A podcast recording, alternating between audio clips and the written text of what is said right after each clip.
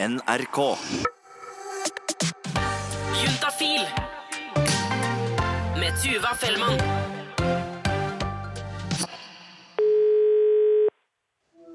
Hallo! Hei, Tuva! Eh, Hvor er du hen i verden? Du, jeg er i Rio. Eh, Rio de Janeiro. Og jeg sitter på et hostell som er knæsj rosa. Alle veggene er helt rosa overalt.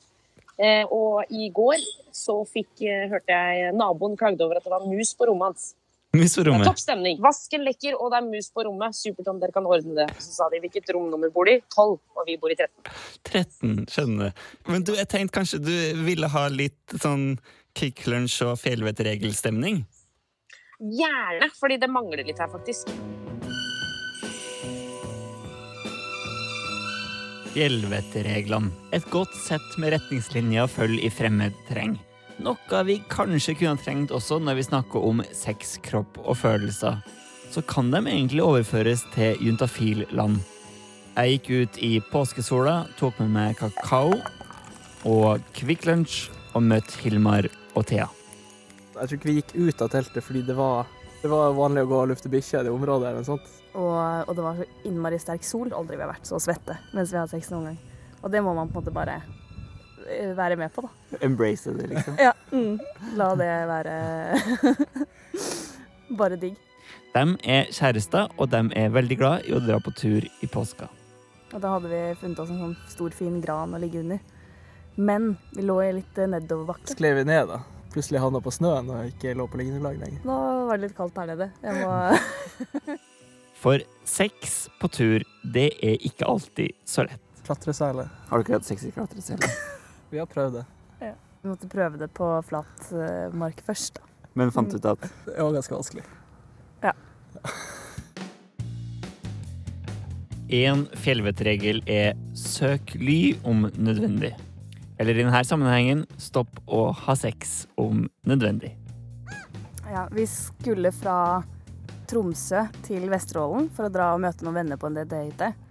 Og så var vi Veldig forelska og tok på hverandre i bil og sånn. Det var vel litt sånn hender på, på lår og stryking og sånn, som kanskje ikke er helt trafikksikkert.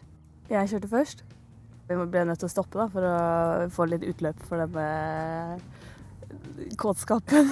og så stoppa vi bare på en sånn raste, rasteplass, og så Fingra litt, kanskje. Ja. Ja, noe sånt. Mm. Ja. Og da kunne vi på en måte kjøre videre litt. En liten stund til, da. Og da var det Hilmar som kjørte, og da tror jeg Du drev vel og tok litt på meg og da òg. Ja. Jeg tror kanskje det var utapå, faktisk. Utapå buksa. Ja. Eh, og så når vi kom fram til parkeringsplassen, da, det var jeg rett attmed veien. Så var det en sånn liten avkjørsel hvor, hvor det var, der hvor man liksom skulle gå inn til hytta. da. Hvor langt var det å gå til hytta? Det var nesten to mil. Halvannen mil, i hvert fall. Og så var det jo noe med at eh, hytta var fullt av folk, og vi var gira på å pule. Så det var kanskje det var liksom eneste mulighet da, før, eh, før vi skulle opp på hytta. OK, vi må eh, ha sex nå. Måtte pule der og da. Eh, vi skal jo inn, begynne å gå etterpå, så vi kan ikke sette opp teltet ennå. Så hvor kan vi pule nå? Og da var det bagasjerommet, da. La vi ned noen seter? Nei. Nei, det var bare veldig stort bagasjerom. Mm. Det er litt, det er litt planlegging og organisering å få til. eh. Vi måtte vel tømme bagasjerommet, da. det var masse bagasje der. Vi hadde, vi hadde dumpsterdager på turen, og så funnet masse søppelmat, eh, og vi hadde funnet veldig mye godt. Så vi endte med sånne 30 kilo-sekker hver. Med godteri, liksom? Ja, Godteri og brus, og dra ut all bagasjen og ski og eh, sekker og alt, og så gjorde i stand bagasjerommet. Så rulla vi ut eh, noe liggeunderlag. Sånn skumgummiunderlag. Sånn eh, bamseunderlag er det vel det kalles. Sånn tjukk skumgummi. Som er veldig bra å ha på vinteren. Det er jo et problem med bagasjerom at de er vanskelig å lukke innenfra. Jeg krøp inn først, og så lukka du bagasjerommet. Så gikk du rundt eh, og gikk inn si, sidedøra og lukka den, og så krøp inn i bakrommet. Og da var det også litt sånn, da var vi litt redde for eh, erfarne fjellfolk som skulle komme og gå rundt eh, på parkeringsplassen her, da. Litt til erfarne fjellfolk heter det i de opprinnelige fjellvettreglene. Litt etter erfarne fjellfolk. Ja, når de, man må passe seg hvis de kommer, da. Ja, og la soveposen over oss, ja. Sånn at det skulle se, ikke liksom være helt fritt innsyn hvis man skulle komme til å gå forbi, da.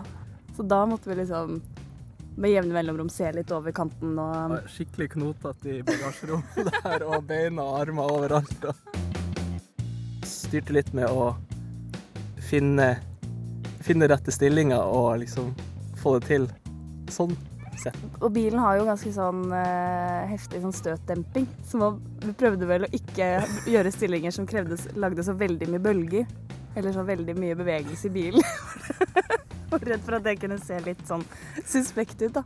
Gjorde så godt vi kunne å på en måte ha en rolig rytme, men uh, jeg tror man kunne ha sett noen uh, du, uh, dundyner som drev og flagra inni der, og en gyngende bil hvis man gikk forbi. Og jeg tror nok at bilen rista litt, gynga litt.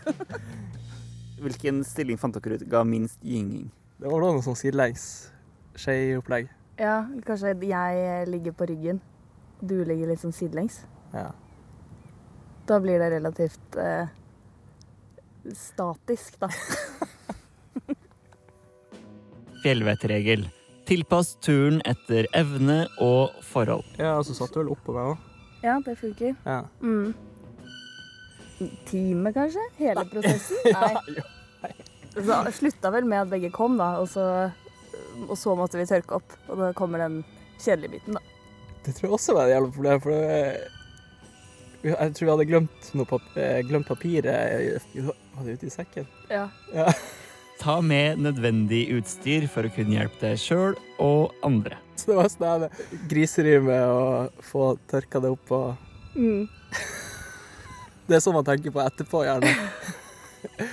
og da er det jo eh, sånn Hvordan skal vi løse det her? Eh, Det husker jeg faktisk ikke hvordan vi gjorde. Kanskje du Det- kledde på deg, gikk ut og henta papiret Ja. og kom inn igjen med det til meg? Eller noe Kanskje. sånt. Da var det jo Jeg tror det begynte, det begynte å bli mørkt, da.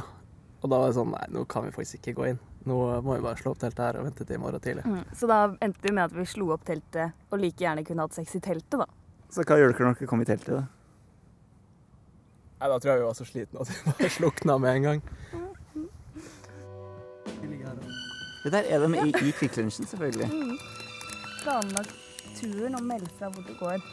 Man må jo på en måte alltid melde litt ifra hva man gjør, da, sånn at, ikke, at man plutselig får eh, et eller annet oppi et hull du ikke vil ha noe i akkurat der og da, f.eks. Ja, meld fra, meld fra hvor du går. Ja, meld fra hvor du tar. Bruk kart og kompass. Vit alltid hvor du er. Bruk kondom, og vit hvor det er. Kondomet. Altså, Snu i tide. Det er ingen skam å snu. Ja. Den er jo viktig. Ja. Hvis man plutselig ikke vil mer. Så eh, må man bare si det. Er dere flinke til å si det? Ja. Ja. Det, hvordan, hvordan sier man det egentlig? For det er jo litt vanskelige ting å si av og til. Dette funka ikke helt for meg nå, Mm. og det kan være greit.